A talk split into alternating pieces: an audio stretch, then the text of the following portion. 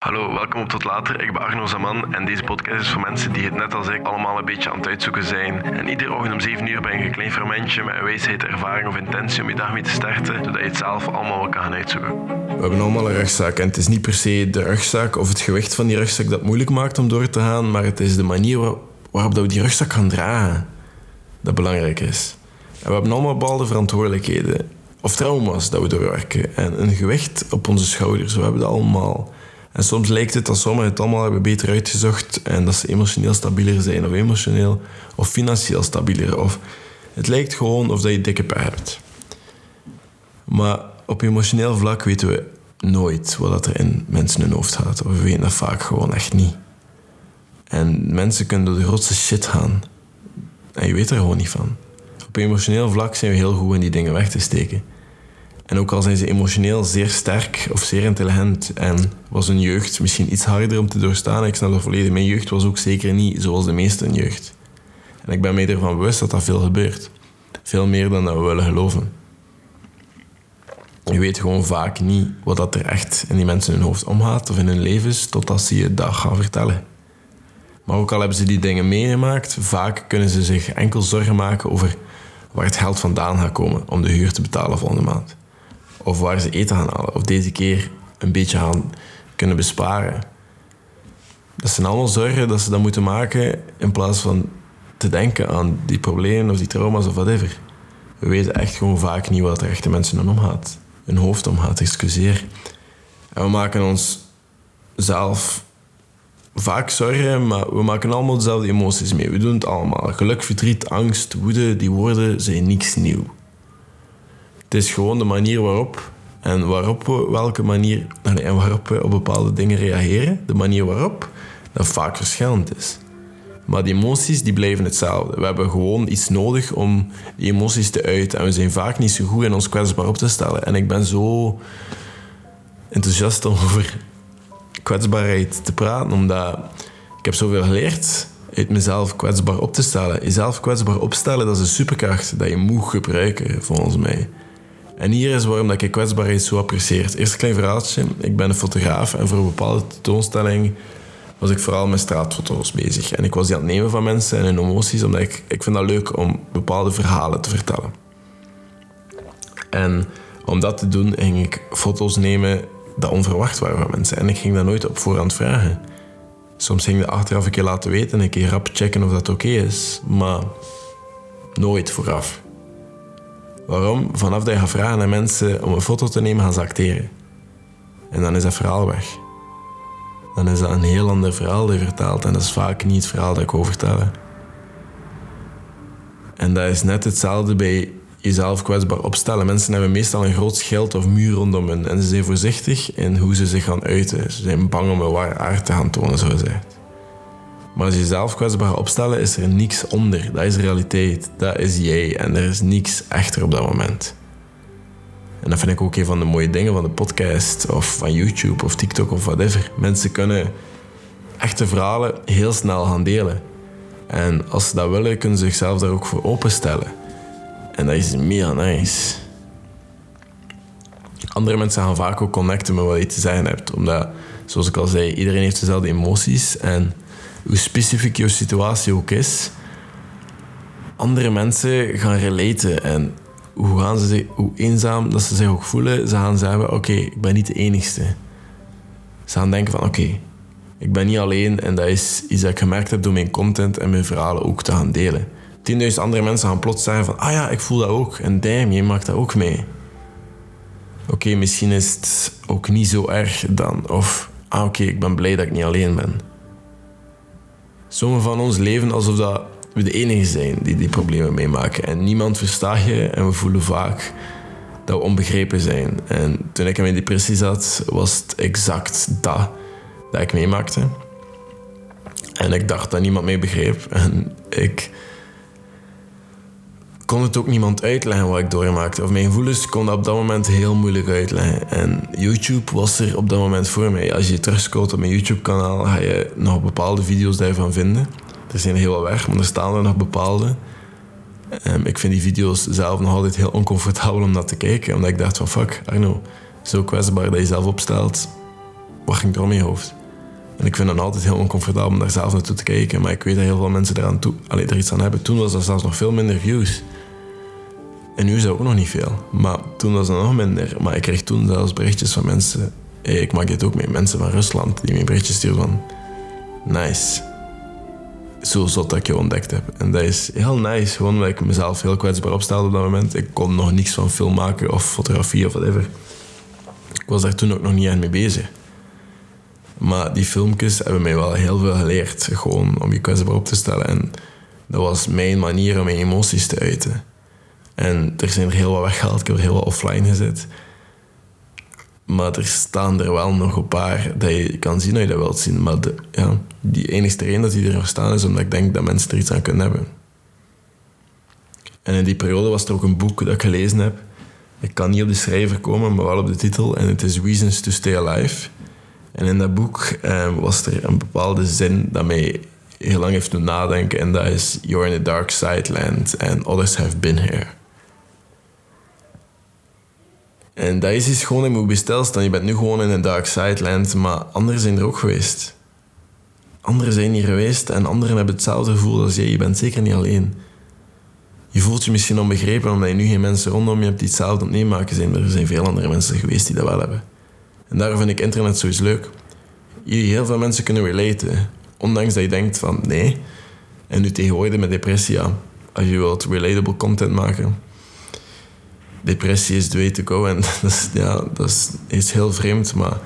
We hebben het allemaal een beetje moeilijk nu. En iedereen heeft het wel op een bepaald moment moeilijk in zijn leven. En dat is oké. We hebben het gewoon vooral moeilijk met die emoties te gaan uiten. Of die emoties onder ogen te gaan zien. En dat is iets heel dat is iets waar ik over wil praten. We hebben allemaal twijfels. Twijfels aan onszelf, van de dingen dat we doen. En vaak gaan we te bang zijn om die dingen onder ogen te zien. Of door ze op te schrijven of door een video over te maken. Vaak gaan we dat negeren. Terwijl dat we gewoon moeten realiseren dat het een deel is van het spectrum. Het is een deel van de human experience. experience. En dat is oké om die dingen te voelen. We lopen weg van die gevoelens en dat ding waar je onzeker over bent, dat, dat ding dat wil zeggen dat je wilt zeggen tegen die persoon of die persoon dat je wilt vergeven, maar dat precies nog net niet lukt. We voelen dat en vaak lopen we daarvan weg. Omdat als we voelen, dan krijgen we weer die emoties. En je kan maar één iets zeggen dat je kwetsbaar moet opstellen. Je kan enkel dat zeggen, je moet je kwetsbaar opstellen. Je moet niet bang zijn van die emoties. Want dat is je ingangsticket om jezelf te leren kennen en weten hoe dat je bent en hoe je je voelt en wat dat er gaande is. Ik wil het gewoon even... Ja, emoties... Ik het gewoon daarover hebben vanochtend. Want ik had een paar dagen geleden met een vriend een conversatie, een maat van me. En hij vroeg of dat kwam dat ik me zo open kon openstellen. Allee, zo kon openstellen. Of dat zo makkelijk ging om te praten over van alles. En ik moet even, even denken wat ik antwoord heb. En ik moest toen ook even denken wat antwoorden. En ik weet gewoon dat ik geen duidelijk antwoord heb gegeven. En dat is niet zo erg. Maar ik weet wel dat we vaak gewoon fysieke aanrakingen zien als enigste gevoel. Terwijl dat dan niet waar is. Iemand kan opstaan en glimlachen en perfect gelukkig lijken. Maar je hebt geen flauw idee wat er omgaat in die persoon zijn leven. Je hebt echt geen idee. Die persoon kan nu door zoveel stuf aan het... Excuseer, die persoon kan nu door zoveel stuf aan gaan zijn... dat je er geen idee van hebt. Allee, gewoon omdat die persoon gelukkig lijkt. Er zijn veel meer emoties of gevoelens dan fysieke aanrakingen. Hoeveel celebrities zijn er niet dat iedereen denkt dat het allemaal in orde is tot een bepaald punt dat ze zelfmoord plegen, dat ze gedaan is. Of alcoholoverdosis of drugsoverdosis of whatever. Dat is, dat is dramatisch om te horen. Maar dat is daar een gevolg van. En ik journal nu ook dagelijks. Gewoon iedere ochtend even stilstaan bij iets en nadenken. En dat helpt. Maar ook gewoon echt geen zever. Af en toe jezelf checken. Wanneer je aan het eten bent. Even in de zetel ligt. Of jezelf van... Yo, hoe voel ik mij nu? Of ben ik moe? Voel ik me vandaag niet zo goed in mijn vel? Hoe komt dat? Of goed met mij? Voel ik me goed in mijn vel? Ben ik mezelf vandaag? Hoe komt dat? Voel ik me beter of slechter dan anders? En waarom is dat veranderd? maakt echt niet uit. Gewoon af en toe even terug je voetjes op de grond en stilstaan bij hetgeen dat je aan het doen bent. En wat je voelt, dat kan immens helpen. Ik ben er, ik ben er zeker van. Er is ook zo'n TikTok dat ik heb zien passeren van een gast dat ik zijn TikToks heel graag zie. En het ging eigenlijk gewoon over het feit van... Yo, mijn opa, voordat hij ging sterven, hij was 103 jaar oud, zei hij. Het was een Italiaan en hij zei van... Als ik je één advies mag geven in het leven is... Zoveel mogelijk voelen. Voel alles wat je kan.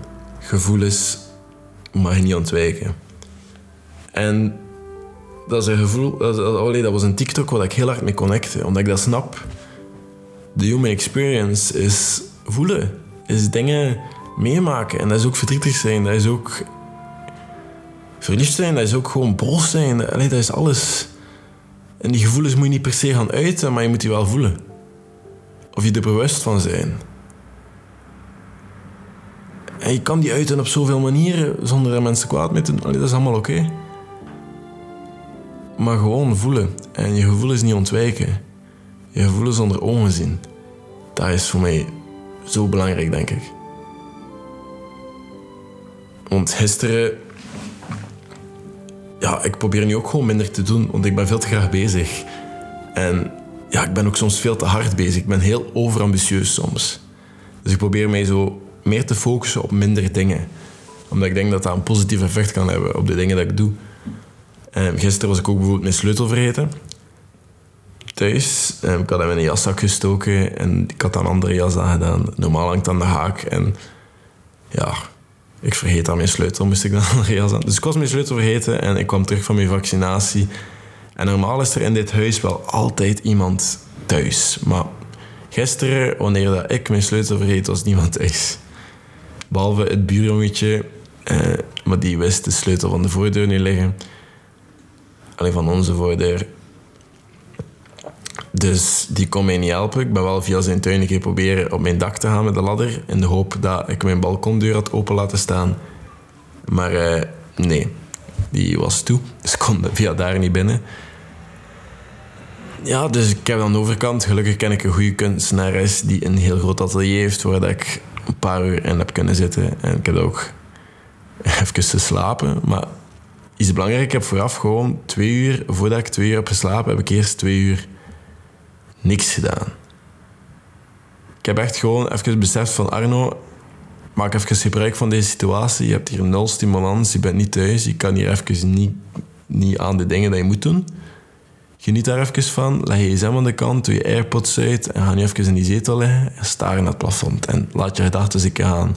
Niet per se mediteren en je gedachten ontwijken, maar gewoon laat ze een keer gaan. Zie wat je, zie wat je komt.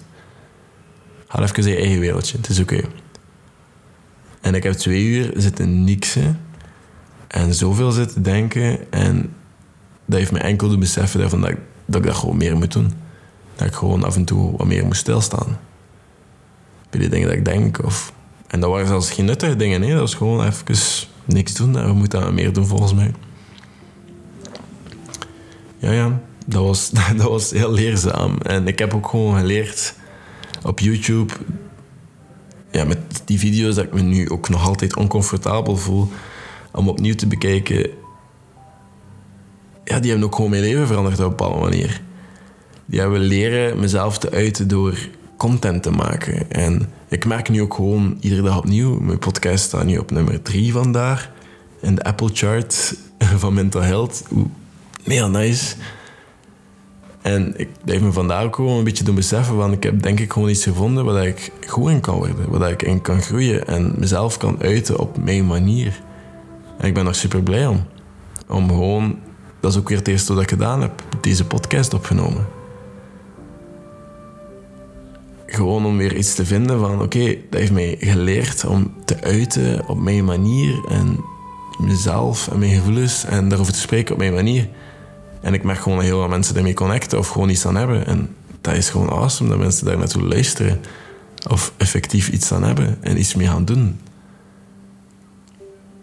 Ik kan alleen maar zeggen dat ik het ga verder doen. ik, ben, ik vind het heel leuk. En ik kan alleen maar afsluiten met alles komt altijd goed. Dat is geen zeven, alles komt altijd goed.